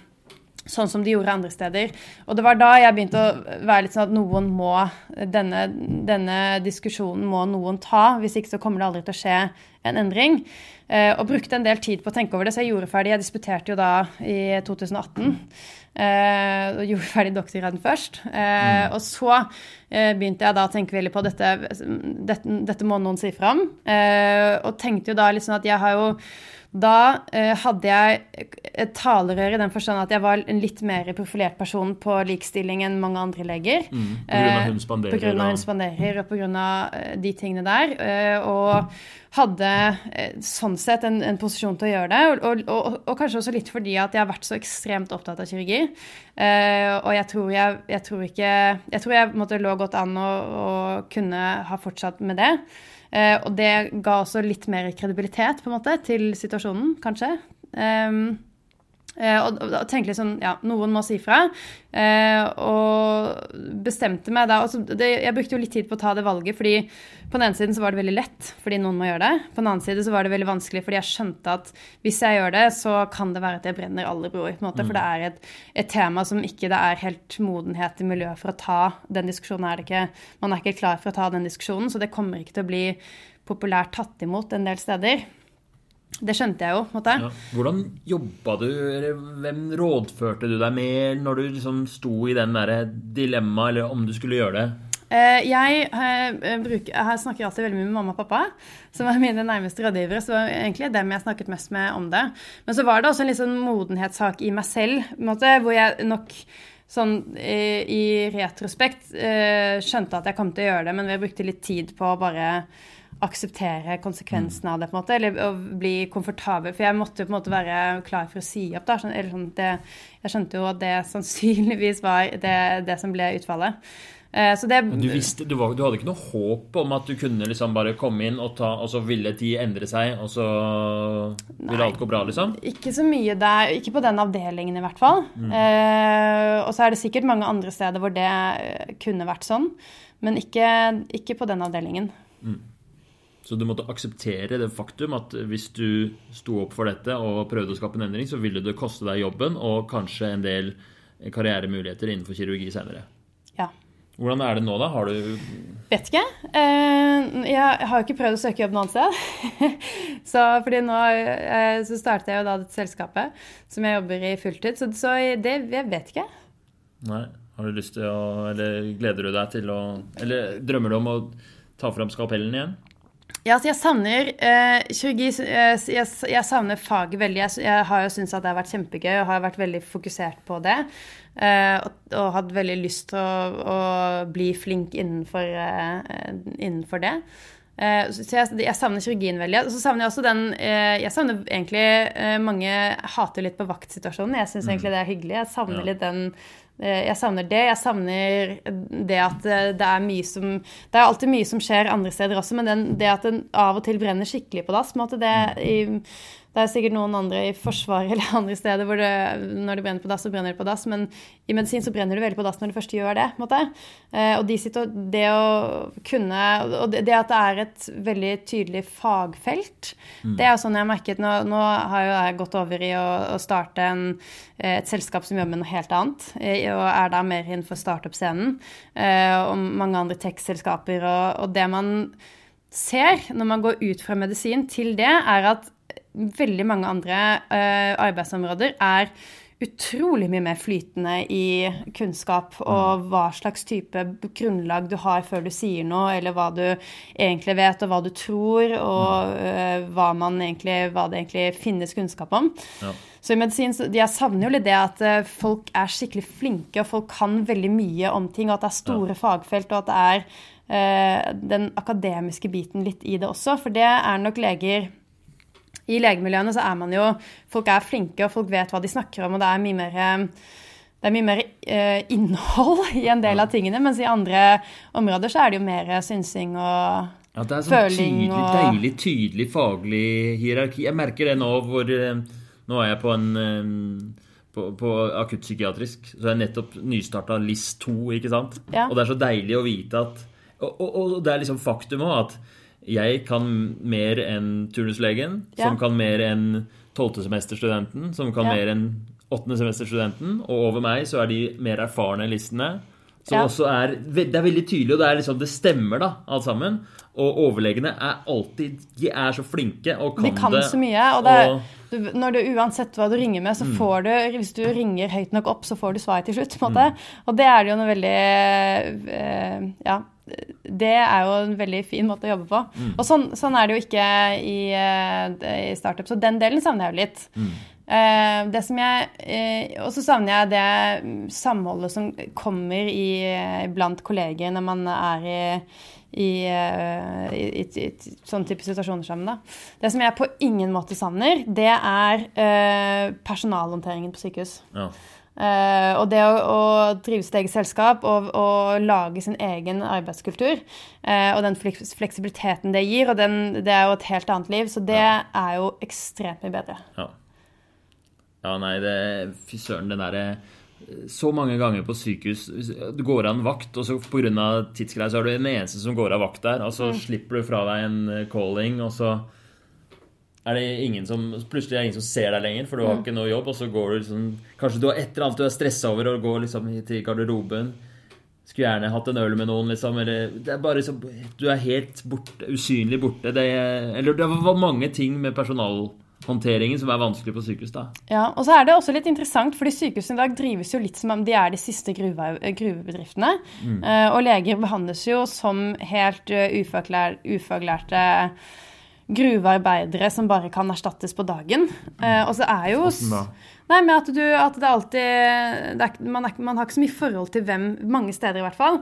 Så har man ikke så mye forhold til hvem det er som gjør hva, så lenge eh, vakten og poliklinikken og eh, sånn og sånn operasjon hvis man skal det, eller post eller whatever, så lenge det er dekket, så, så lenge det er et hode på den plassen, så har man ikke så mye forhold til hvem det er og hvordan de er, eller eh, man, man har ikke noe forhold til om du som person har den individuelle utviklingen du skal ha, eller om, det er, om du har en karriereplan, eller om du det gir, jo, gir man stort sett bengen i. Ja? Eh, og hvis du, og så er det jo, er jo holdningen mange steder at ja, hvis du slutter, I don't care, vi kan bare få inn en Ja. ny en i morgen. Og så kan man ofte det, men, eh, men det er ikke alltid at man kan få inn den kompetansen man trenger i morgen. Og, og, det er jo et litt paradoks i det at sykehusleger i dag er jo blant de mest utdannede i samfunnet. Man har seks år eh, under studiet, og så har man i snitt kanskje ti års spesialisering, og veldig mange har en doktorgrad på toppen av det. Og så behandler man det som arbeidskraft som bare kan Ja. skiftes på dagen. Det er bare en lege, liksom. Vi kan få Det er jo helt ny- absurd. Ja, og man ser for seg avdelingen, og så er det her skal vi ha fire leger og syv sykepleiere.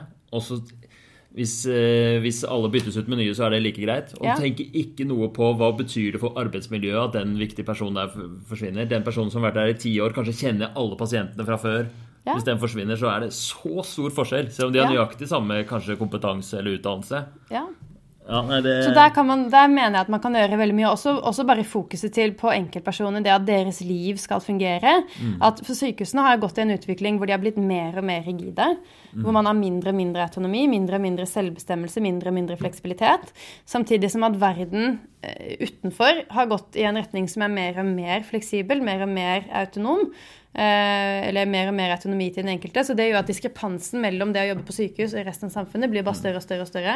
Og det, eh, det tror jeg ikke funker i lengden. Så jeg tror at sykehus i dag er på vei til å gjøre det så lite attraktivt uh, å jobbe på sykehus at man potensielt møter et problem. For du har etter hvert så bruk, bruker man Hvorfor er det man jobber på sykehus? Jo, det er fordi man elsker faget. Og så bruker man mer og mer tid på administrasjon eller logistikk eller sekretærarbeid eller ting som andre kan gjøre, egentlig, som ikke har noe med å være lege i det hele tatt. Uh, og så gjør man mer og mer rutineoppgaver, uh, og så får man mindre og mindre fleksibilitet. og mindre og mindre work-life balance. Eh, så får man jo ganske dårlig betalt sånn hvis du ser på antall timer man jobber. Eh, og etter hvert, Det er ikke så veldig mange insentiv igjen der til å jobbe i sykehus. Og det tror jeg man begynner å se litt nå, at folk begynner å bli lei. Ja.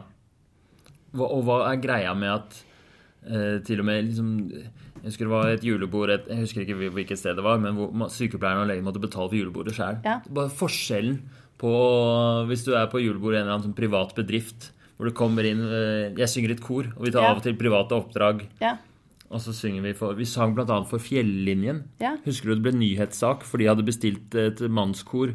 Det var i hvert fall på Dagsrevyen. Det kosta Ja. 20 000, og det var så Å, nei, dette Det var jo annet fokus Det var pga. Ja. bompengene gikk til at de flotta seg. Men Ja. det er så vanlig i privat sektor at det er et julebord, at det kommer underholdning, og så har man betalt 100 000 for det julebordet, eller 50 000, eller et eller annet. ja. Men det er så fjernt. Nei, altså er, ja, ikke sant? Og sånn, jeg husker første nyttårsaften jeg jobbet.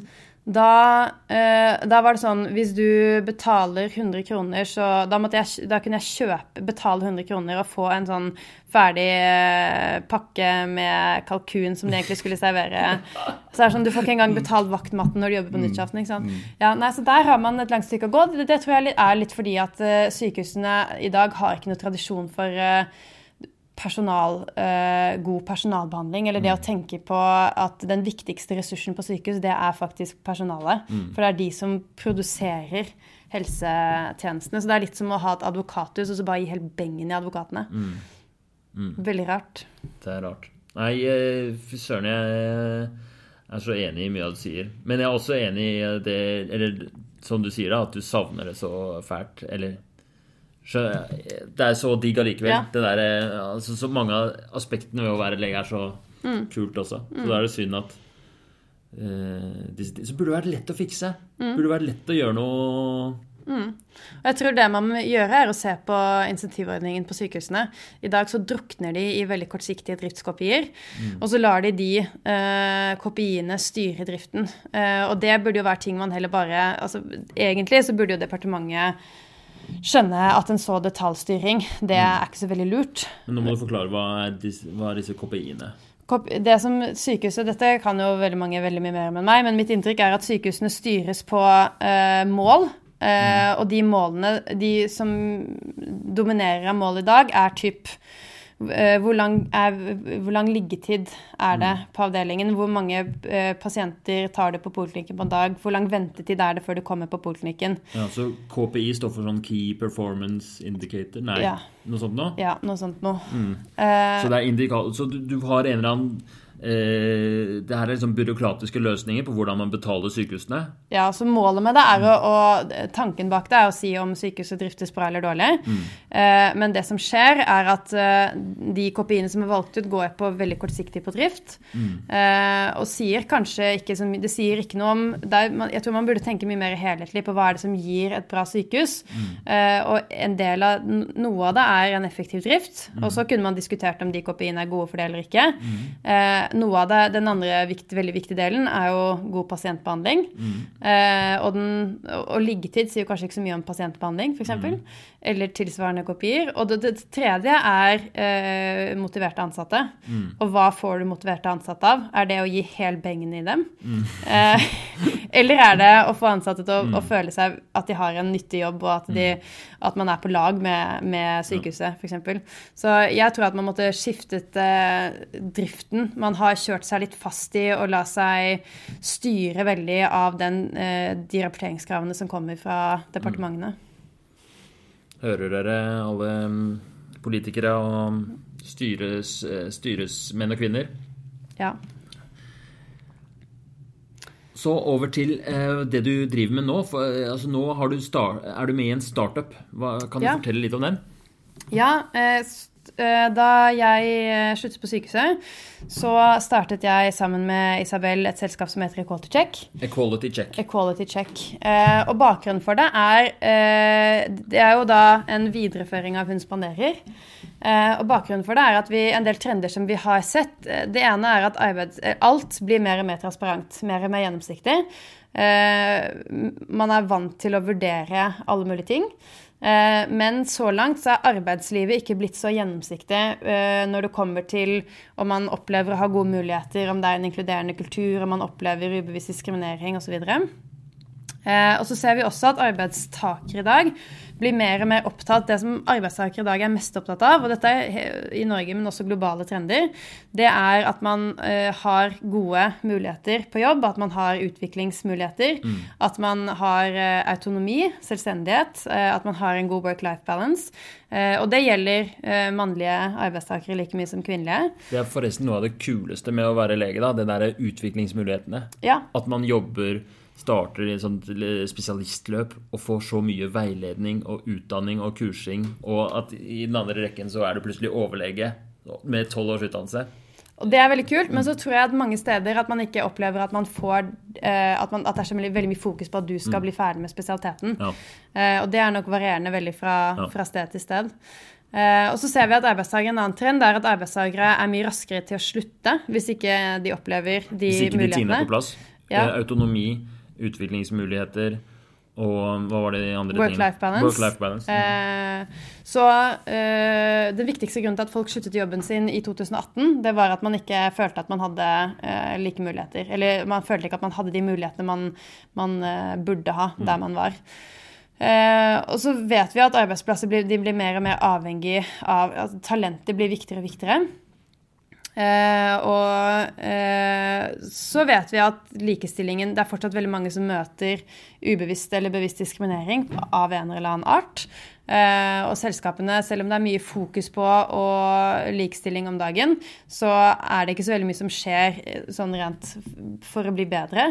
Og ifølge McKinsey så er det bare eh, 24% av bedriftene som iverksetter tiltak for likestilling, som lykkes. Okay. Så det er en veldig dårlig suksessrate. Så det var på bakgrunn av de tingene at vi da startet uh, selskapet, uh, Quality Check, og så ble vi med i et uh, akseleratorprogram som heter Antler, som var i Stockholm. eh, og utviklet konseptet videre der. Uh, og det Quality Check er, er en slags TripAdvisor for likestilling. Eh, hvor du kan gå inn og gi en vurdering helt anonymt eh, av eh, sykehuset, f.eks., der du jobber. Eh, og da vurderer du om du opplever at du har like muligheter, at det er en god kultur, at du har en god work-life balance osv. Eh, det tar eh, to-tre minutter å gjøre, gjøre den vurderingen, og du blir helt anonym. Og når det er fem stykker som har vurdert eh, det sykehuset, så går det live. Så da kan alle gå inn og se. Eh, Foreløpig så er i hvert fall Ahus og Ullevål live. Så da kan alle gå inn og se hva sier eh, de ansatte som har svart der om å jobbe på Ullevål eller Ahus. Ok, Hva sier de da? Eh, nei, sammenlignet med, med selskapene andre vi, har, vi lanserte plattformen nå akkurat live, eh, og vi har over Vi har vel omtrent 3000 vurderinger, og det er 110 selskaper som er live. Eh, jeg har bare sett eh, Ullevål og Ahus av sykehusene, men de gjør det jo eh, dårligere enn eh, enn eh, de andre selskapene okay. eh, på disse parameterne. Så det er definitivt et forbedringspotensial i, i sykehusene på det her. Eh, og, da, og, det, og det som er bra med det, er at det, for ansatte så er det en, en kjempefin mulighet til å Hvis jeg nå skulle startet eh, Hadde lyst til å gå tilbake til kirurgien, eh, så kunne jeg gått inn der og sett eh, hvilket sykehus er det hvor kvinnelige kirurger sier at det er best å jobbe. Opplever at man får utnyttet sitt potensial, eller opplever minst diskriminering, eller whatever.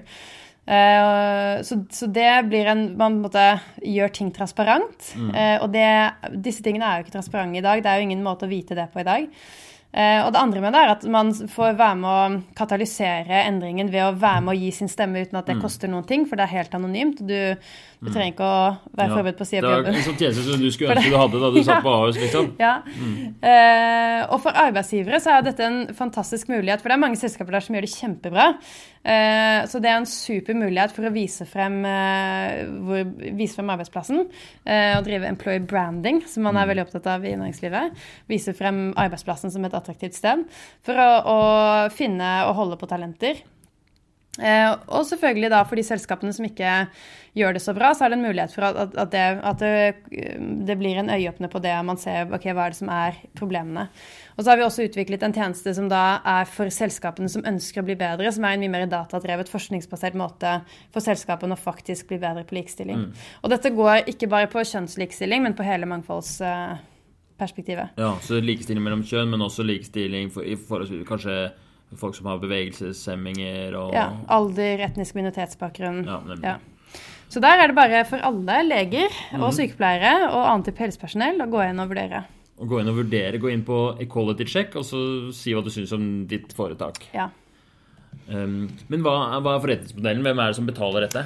Eh, vi har eh, eh, det, Altså, det å gå inn i en ny i starterbransjen, det er jo liksom, da må man lære seg en ny terminologi. Ja, fordi det virker så Du jobber med noe helt annet Ja, nå. Enn du, annet. så du, du har ikke noe med noen pasienter å gjøre? Nei, ikke med noen pasienter. Kun møter med investorer og Ja.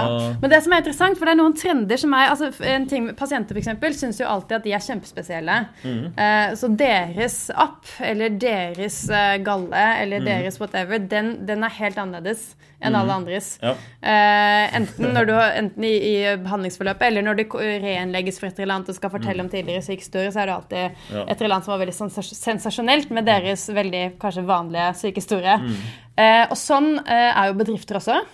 Eh, så det er litt som å snakke med pasienter. Eh, Mm. at de, er- er veldig opptatt av at eh, alle blir jo litt navlebeskuende på at det, de er veldig spesielle. Mm. Og akkurat hos dem så er det noe som gjør det veldig annerledes. Mm. Og så er det jo egentlig ganske likt Mye Som- som er fra det ene til det andre. så du kan trekke litt erfaring fra kirurgien Ja. på akkurat det. Eh, Men eh, det, forretningsmodellen det ligger i altså Equality check, er, som jeg forklarte nå, det er det man kaller business to consumer, B2C. Mm. Så der er det, eh, retter vi oss direkte mot alle mulige ansatte, alle som har jobbet et eller annet sted. Mm. Det tjener ikke vi noe penger på. Det koster ingenting å, å gjøre det. Eh, Man må logge inn for at vi skal vite at du er en person, og at man ikke skal ha masse falsk data der. Eh, men det koster ikke noe, det er helt gratis. Eh, så, men, så tror vi at når, når det blir mange brukere der, så får man da den eh, nettverkseffekten som det snakkes mye om. Eh, hvis alle arbeidstakere er på Quality-check, eh, så vil alle selskapene være der også. Eh, fordi da er det der hvor de, eh, når de skal vise frem sitt selskap, og rekruttering har blitt en Alle andre enn sykehus er ekstremt opptatt av rekruttering. Så det går jo milliarder i rekrutteringsprosesser rundt omkring hvert år. Og sykehusene løser det ved at det er så få Ja. Monopol eh, Ja. ja. Det er ikke noe annet sted du kan være. Altså, så, Husk, Det var en gang en, en, eh, angående turnuslegesøknad. ja. En uh, overlege som uh, Kastet fikk en bunke. bunken, ja. Hva gjorde Vandre, han? Han ja. kasta halve bunken, og så ja. Fantastisk rekrutteringsprosess. ja, vi, Ja. vil, vi, vil ha, vi vil ikke ha turnusleger med uflaks. Nei. Ikke sant? Eh, og, eh, mens andre, andre steder så brukes det jo enorme ressurser på å sørge for at man finner de, de Mm. best egnede. Eh, så forretningsmodellen ligger i eh, at, at eh, selskapene betaler for å eh, ha en profil der, eh, og for å, å kunne vise seg frem på en, Mm. Ja. en bra måte. Og også få tilgang til det løsningsverktøyet Ja. uh, som vi har utviklet, som, som vi mener er et av de bedre verktøyene tilgjengelig for å, å bli bedre, nettopp fordi at det er datadrevet og det er forskningsbasert. Så smart, da. Istedenfor at du skal måtte betale for, med din jobb og karriere for at bedriften skal bli bedre i likestilling, så skal bedriften betale for at Ja. bedriften skal bli bedre i likestilling. Nettopp. Mm. Veldig kult. Hva er det liksom til, Hvis det er noen medisinstudenter eller andre leger som hører på, da, vil du anbefale det å prøve seg på, på et helt sånn annen type karrierer? Har det gitt deg noe syns du er spennende? Det er kjempegøy, og det er mange ting som er veldig overførbart med å, å jobbe i en vaktsituasjon med, eller på et sykehus. med at mm. Man vet jo aldri helt hva som skjer uh, den neste timen uh, eller de neste dagene. Eller du må, man må være forberedt på at ting endrer seg hele tiden. Og så må man være liksom komfortabel med å ikke helt vite eh, alltid hvordan ting er. Eh, og, så, eh, må man jo hele tiden for, forholde seg til situasjoner hvor man ikke aner hva man gjør, og hva man egentlig holder på med. Eh, samtidig som man utad i investormøter eller andre typer møter må virke som om man har kontroll. Eh, og det, tror jeg er situasjoner som alle medisinstudenter og turnusleger og leger vil kunne forholde seg veldig godt til. Eh, fordi det er jo litt det man gjør hele tiden. Mm. og så tror jeg mange leger tenker Som, som lege så er man jo vant til at hvis du skal jobbe som lege, så må du studere seks år, og så må du ta ett og et halvt eh, år turnus. Eh, da har du syv og et halvt år på baken, og når du da kommer ut i arbeidslivet, så er du helt noldus. Du kan ingenting. Ja. Eh, og så etter liksom, fem år i spesialisering så begynner du å, å kunne noen ting. Ja. Men så er det fortsatt mange ting du er helt hjelpeløs på, og som du må ha hjelp av de over deg. Eh, og etter tolv år i spesialisering, så er du, og du kan til og med ha en doktorgrad og være helt hjelpeløs. Mm. Og etter tolv år i spesialisering, da, er du, da, begynner du, da kan du en del ting. måte. Eh, så jeg tror mange leger eh, tenker at hvis du skal gå over i noe annet Det møter jeg mange leger som snakker om også. som er sånn, ja, men Da må jeg studere på, da må jeg ta noe fag i business først, eller jeg må studere sånn og sånn, eller jeg må gjøre det og det. Eh, men det må du ofte ikke. Eh, fordi eh, med noen, helt sikkert eh, noen unntak, så er veldig mange andre bransjer er jo ikke så fagtunge som medisin. Og det du må kunne i andre bransjer, er om det du må kunne når du skal starte et selskap. Du må, kunne, du må være analytisk, og du må kunne forholde deg til stress, og du må kunne klare å manøvrere i et eh, farvann som ikke du kjenner, og altså, du må kunne tilegne deg kunnskap. Eh, men det er jo det leger gjør hele tiden. Eh, så jeg tror mange leger ville vært, altså, med hell kunne vite at det er veldig lett for leger å gå over i helt andre bransjer, eh, og så kunne være, etter en ganske kort tid, veldig funksjonelle der. Så det, tror jeg, det skal man ikke være redd for i det hele tatt.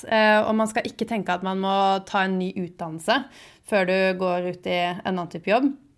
Og så tror jeg altså litt sånn i dag Jeg hadde jo kanskje en sorti som eh, noen steder gjør det litt vanskelig for meg å gå tilbake. Men hvis man ikke har det eh, Det å ta eh, Man skal jobbe lenge. Eh, og selv om spesial, spesialitetene på sykehus er lange mange steder, så skal du fortsatt jobbe hva da, 30 år etter det.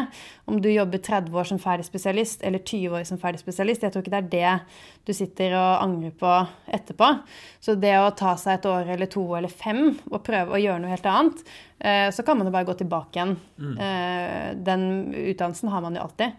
Så det tror jeg man kan bli Det kan man sikkert ha lavere terskel for å gjøre hvis man syns det er spennende. Gode, veldig spennende innspill og tips. Hva Siste spørsmål, eller vi må sikkert avslutte snart, men jeg er så spent på hva må sykehusene gjøre for å, for å få deg tilbake på operasjonsbordet? På riktig På side? da? riktig side av bordet. Eh, Det som må gjøres på, jeg mener må gjøres på sykehus, det er å, å se på ledelseskulturen. Og se på hvordan sykehusene drives. Eh, og da tror jeg sykehusene må se på eh, hele insentiveringsordningen. Og og det ene er jo hva de får av krav fra departementet. På lang sikt så burde departementet se på det. Men sykehusene eh, må jo, eh, tror jeg En ting er hva de skal rapportere på eh, eksternt. En annen ting er hvordan de skal drive sine sykehus. Og da tror jeg de skal se på disse tre tingene som som en, for å kunne gi en bedre, en bedre sykehus. Og det man skal selvfølgelig drive effektivt. Eh, og så tror jeg man skal se på hva det som egentlig er effektiv drift. Og så må man se på hva er god pasientbehandling, og så må man ha hvordan har du motiverte arbeidstakere. Eh, så der tror jeg at sykehusene må gjøre en, egentlig en, en vurdering av eh, hvordan de skal insentivere og måle suksess på sykehusene. Eh, og gjøre en eh, stor jobb når det kommer til kultur og ledelse på sykehus. Men hvis, hvis eh, et eller annet sykehus da, som du eh, kom med en, eh, et forslag til deg, og bare Se her, vi, er, vi har gjort disse tiltakene på likestilling. Vi vil ha deg som kirurg. Du har dette løpet, alt sammen. Du kan jobbe Du kan styre selv, sånn du kan jobbe et par prosent Altså om du vil ha 20% eller 40% med equality check ved siden av, men vi vil at du skal operere.